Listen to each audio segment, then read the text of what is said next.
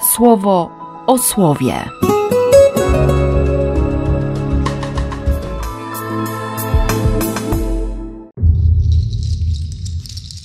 Pierwszy lutego, wtorek. Z drugiej księgi Samuela. Król wydał Joabowi, Abiszajowi i Ittajowi takie polecenie. Oszczęście mi syna, Absaloma. Całe wojsko usłyszało ten nakaz króla, dany wszystkim dowódcom w sprawie Absaloma. Całe wojsko wyruszyło do Dąbrowy znajdującej się przed Izraelem. I zaczęła się bitwa w Dąbrowie Efraima. Tam, w starciu ze sługami Dawida, pobite zostało wojsko Izraela. A pogrom tego dnia był ogromny. Padło 24 tysiące mężów. Bitwa rozszerzyła się na całą okolicę. W owym dniu gęstwina leśna pochłonęła więcej ludzi niż miecz. Natknął się na sługi Dawida także sam Absalom. Absalom siedział na swoim mule. Kiedy muł wbiegł pod liczne rozgałęzienia wielkiego dębu, jego, Absaloma, głowa zakleszczyła się na tym dębie, także zawisł między niebem i ziemią, a muł, którego miał pod sobą, pobiegł dalej. Zobaczył to ktoś i powiadomił Joaba, mówiąc: Zobaczyłem Absaloma wiszącego na dębie. Joab tak na tę wiadomość odpowiedział mu: Skoro zobaczyłeś, to czemu go tam na miejscu zaraz nie przebiłeś?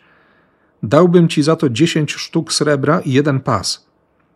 Wtedy ów człowiek rzekł Joabowi: Na me życie, choćbym miał dostać do swej garści tysiąc sykli srebra, nie podniosę ręki na syna króla. Przecież nasze uszy słyszały, że król wydał rozkaz tobie, Abiszajowi i Tajowi, tak mówiąc: Zachowajcie mi syna Absaloma, nie czyniąc krzywdy jego życiu. A przecież żadna rzecz nie ukryje się przed królem. Ty sam wystąpiłbyś przeciwko mnie.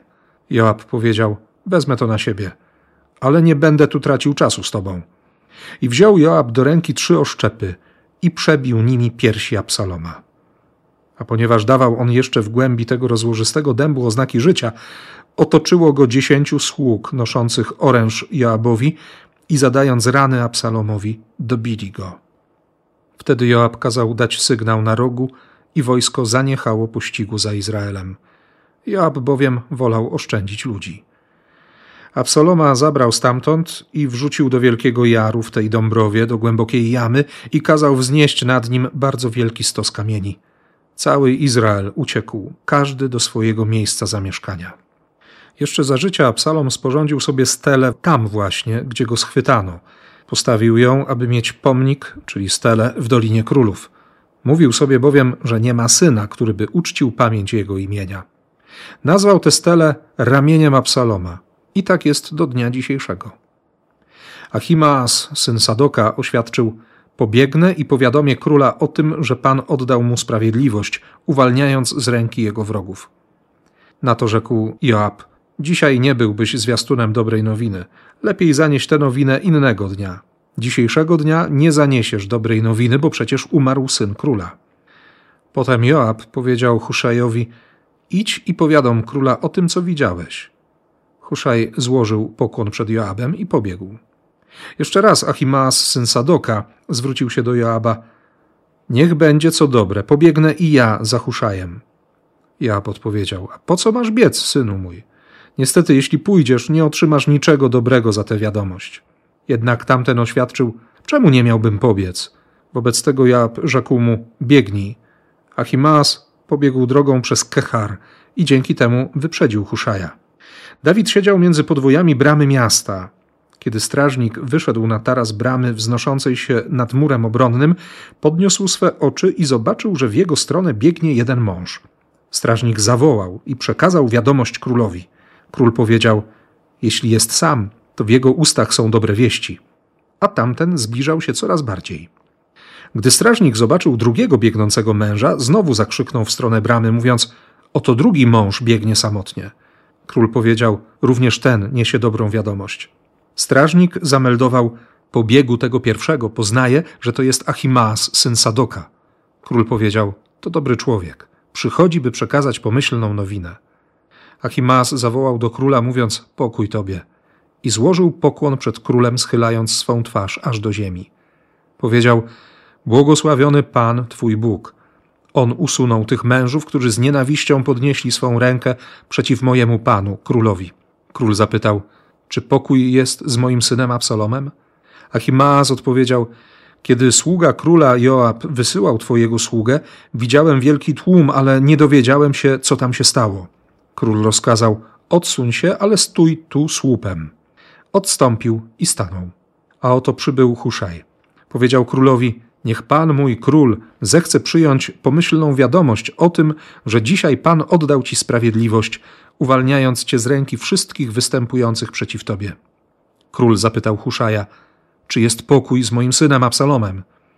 Huszaj odpowiedział, oby z wrogami mojego pana, króla, stało się to, co się stało z tym młodym człowiekiem, a także z tymi wszystkimi, którzy dążąc do jego klęski wystąpili przeciw niemu. Wtedy król zamilkł. Poszedł do sali na piętrze bramy i zaczął płakać. Chodząc tam, wołał: Synu mój, Absalomie, synu mój, synu mój, Absalomie, czy mógłby ktoś mnie przyprawić o śmierć zamiast ciebie? Mnie zamiast ciebie, Absalomie, synu mój, synu mój. Doniesiono o tym Joabowi. Oto król płacze i lamentuje nad Absalomem. Tego dnia zwycięstwo zmieniło się dla całego ludu w żałobę. Lud bowiem słyszał i sam powtarzał wiadomość: Król boleje z powodu swojego syna. Z tego powodu wojsko w owym dniu wchodziło do miasta ukradkiem, jak ukradkiem wchodzi wojsko, które okryło się hańbą przez ucieczkę z pola bitwy. Król zasłonił swą twarz i wołał wielkim głosem: Synu mój, Absalomie, Absalomie, synu mój. Z Ewangelii według świętego Marka. Kiedy Jezus przeprawił się z powrotem łodzią na drugi brzeg, zebrał się przy nim wielki tłum. Zatrzymał się nad jeziorem. Przybył tam do niego jeden z przełożonych synagogi imieniem Jair. Gdy go zobaczył, padł mu do stóp i żarliwie go prosił, mówiąc: Moja córeczka umiera. Przyjdź i połóż na nią ręce, aby uszła śmierci i żyła. Poszedł z nim. Towarzyszył mu wielki tłum i pchał się na niego ze wszystkich stron. Pewna kobieta, która od dwunastu lat chorowała na upływ krwi i wiele zniosła ze strony licznych uzdrowicieli, wydając cały swój majątek, a jednak nie doznając poprawy, lecz raczej popadając w stan coraz gorszy, kiedy dowiedziała się o Jezusie, podeszła w tym tłumie z tyłu i dotknęła jego płaszcza. Mówiła sobie: Jeśli dotknę choćby jego płaszcza, będę ocalona. Rzeczywiście, od razu zaschło w niej źródło krwi i poczuła w ciele, że jest wyleczona z tej dolegliwości. Jezus również od razu poczuł w sobie, że wyszła z niego moc. Odwrócił się w tym tłumie i zapytał: Kto dotknął mojego płaszcza? Jego uczniowie powiedzieli mu: Widzisz, że tłum pcha się na ciebie ze wszystkich stron, a pytasz: Kto mnie dotknął? Powiódł wzrokiem w koło, aby zobaczyć sprawczynię tego. Wtedy kobieta przestraszyła się i czując, co ją spotkało, podeszła z drżeniem, padła przed nim i wyjawiła mu całą prawdę. On jej powiedział: Córko, twoja wiara przyniosła ci ratunek. Odejdź w pokoju i bądź zdrowa od swojego cierpienia. Gdy on to mówił, przyszli z domu owego przełożonego synagogi i powiedzieli: Twoja córka umarła, po co jeszcze trudzisz nauczyciela? Jakby nie słysząc przekazanej wiadomości, Jezus powiedział do przełożonego synagogi: Nie bój się, bylebyś wierzył. Nie pozwolił nikomu towarzyszyć sobie, z wyjątkiem Piotra, Jakuba i Jana, brata Jakuba. Weszli do domu przełożonego synagogi.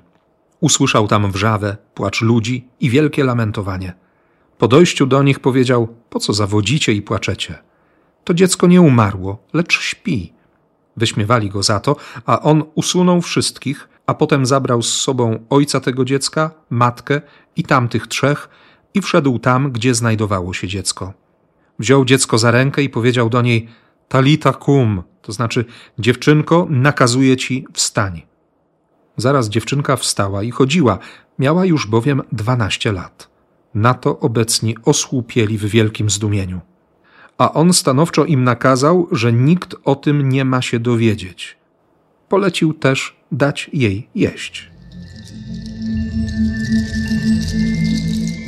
Potężne są dzisiaj te historie i w pierwszym, i w drugim czytaniu.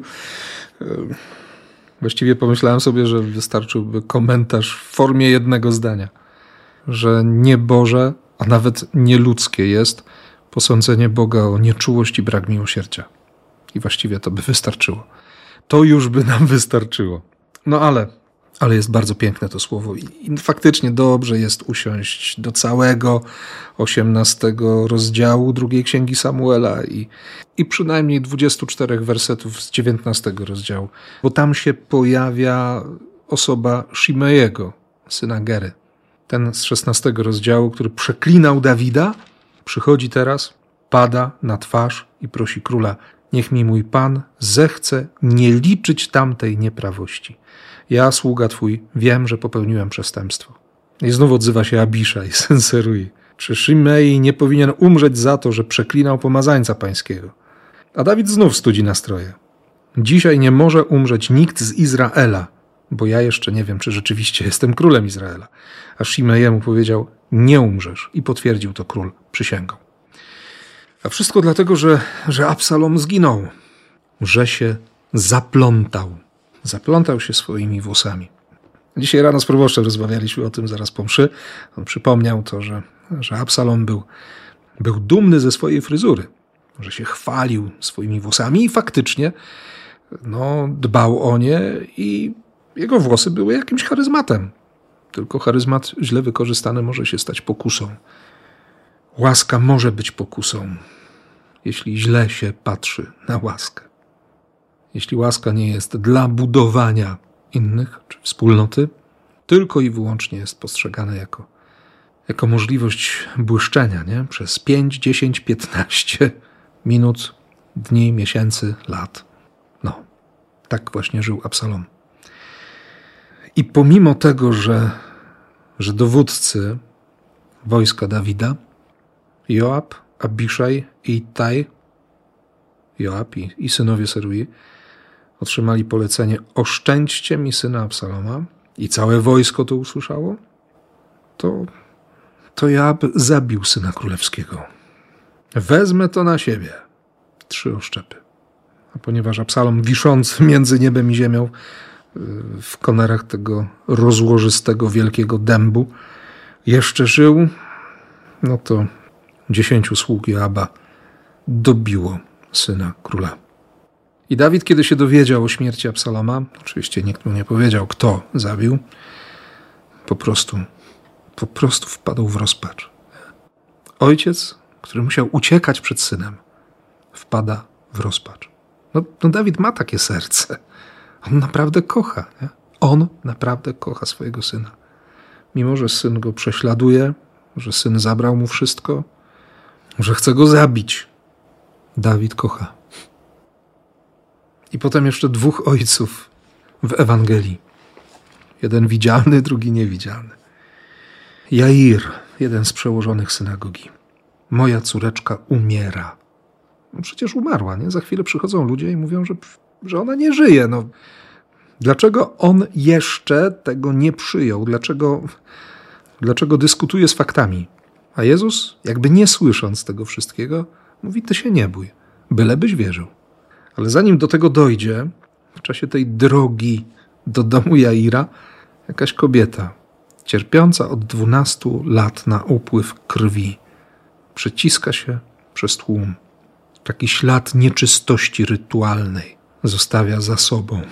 Dotyka płaszcza Jezusa. Oczywiście płaszcz sprawiedliwego i, i to ocalenie, o którym jest przekonana ta kobieta, to się rzeczywiście dokonuje. Jezus się momentalnie odwraca i, no i szuka wzrokiem. I Marek zaznaczy, że wtedy kobieta przyszła przerażona i wyjawiła mu całą prawdę. Trochę to musiało trwać. A wtedy Jezus mówi: Córko. No tak, dla Boga naprawdę jesteśmy dziećmi obietnicy. Bądź zdrowa od swojego cierpienia, od swojego bicza, bata czy batoga. Nie? Co ją tak smagało, że była skulona i nie mogła się do nikogo przytulić, bo nieczysta, nieczysta, nieczysta. Nie mogła przyjąć przytulenia i nie mogła dać przytulenia. No to przecież takie ważne jest. I dla mężczyzn, i dla kobiet. Przede wszystkim dla kobiet co tam w niej było. Życie z niej wyciekało. Czym była smagana? Na czym polegało dokładnie to cierpienie? Marek zaznaczy, że, że wyschło w niej źródło krwi. ta rana, jakaś wewnętrzna rana, momentalnie została zamknięta. To rozdarcie. Bóg zamknął to rozdarcie. Ciekaw jestem, czy, czy w języku hebrajskim albo aramejskim byłoby to samo słowo, które jest użyte w Księdze Rodzaju na, na zamknięcie, na zaryglowanie boku Adama, Carpatach. Hm. Kiedy Bóg wyrwał mu z boku Ewę i postawił ją przed nim, po to, by Adam mógł kochać, mógł kochać człowieka. W tej kobiecie momentalnie zaschło źródło krwi i mogła przytulać. Mogła kochać tak, tak bardzo realnie, tak konkretnie. Ale jeszcze Jair. Lament, płacz, wrzawa. Talita kum nakazuje ci. Wstań. Jaka jest moc w tym słowie, że to dziecko od razu wstaje, od razu zaczyna chodzić. To tak jak w 11 rozdziale Ewangeliana. Łazarzu, wyjdź z grobu. Nie? I, I to był taki głos, to było takie słowo, które przebiło się przez te kilka pięter w dół i Łazarz nie mógł nie odpowiedzieć. Po prostu chwycił to słowo i wyszedł. Jezus kazał jej dać jeść. Może z tego powodu umarła. Może przestali ją karmić. Może zabrakło źródła życia, nie? Każda rodzina ma swoje problemy. Wszędzie są jakieś kłopoty. Może trzeba jej było po prostu dać jeść. Wiem, że Ojciec Niebieski chce nas karmić łaską, chce nam dawać miłosierdzie. I to jest życie, to jest nowe życie. To, to jest miłość życiodajna. On ma czułość, matkliwość. Oby nam dzisiaj jeszcze wystarczyło odwagi, chęci i czasu, żeby się chociaż na moment przytulić do jego serca. Tego Ci życzę i, i błogosławię jak tylko potrafię w imię Ojca i Syna i Ducha Świętego. Amen. Słowo o słowie.